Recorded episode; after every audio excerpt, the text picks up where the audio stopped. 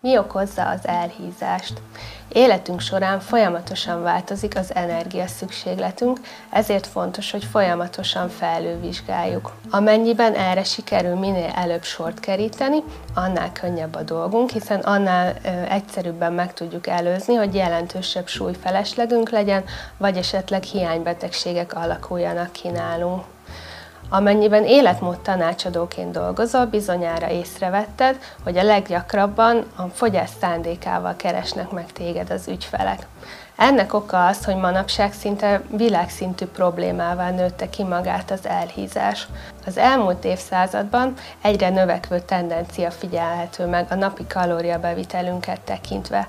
Soha nem fogyasztottunk még olyan sok kalóriát napi szinten, mint manapság. A magas jövedelmű országok fogyasztják a legtöbb kalóriát napi szinten, ellenben a legnagyobb változás az alacsony jövedelmű országokban figyelhető meg.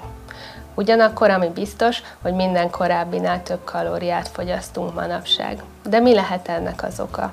Elsősorban az, hogy rengeteg feldolgozott élelmiszert fogyasztunk, amikre alapvetően jellemzőek, hogy kalóriában ö, sűrűek, ellenben tápanyagban szegények.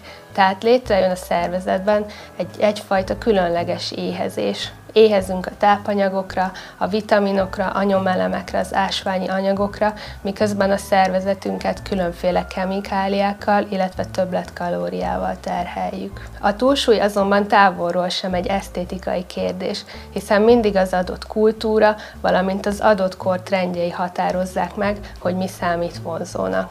Ellenben foglalkoznunk kell vele, hiszen a súlytöbblet számos civilizációs betegség kockázatát magában hordozza. De miért olyan könnyű elhízni? Amellett, hogy rengeteg feldolgozott élelmiszert fogyasztunk, sajnos keveset mozgunk.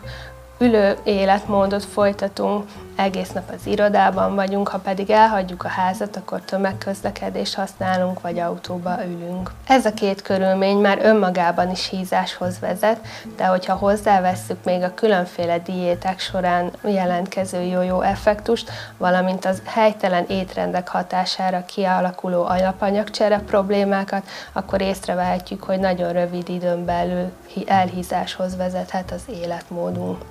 Ráadásul teljesen átalakult az is, amit eszünk, hiszen amíg természetes élelmiszereket tettünk a tányérunkra, addig alig-alig találkoztunk elhízott emberekkel. Az elhízást megelőzendő a legjobb, hogyha mélyrehatóan megismerkedünk a táplálkozás tudományokkal, hogyha megértjük a testünk működését, továbbá folyamatosan figyelemmel követjük azt.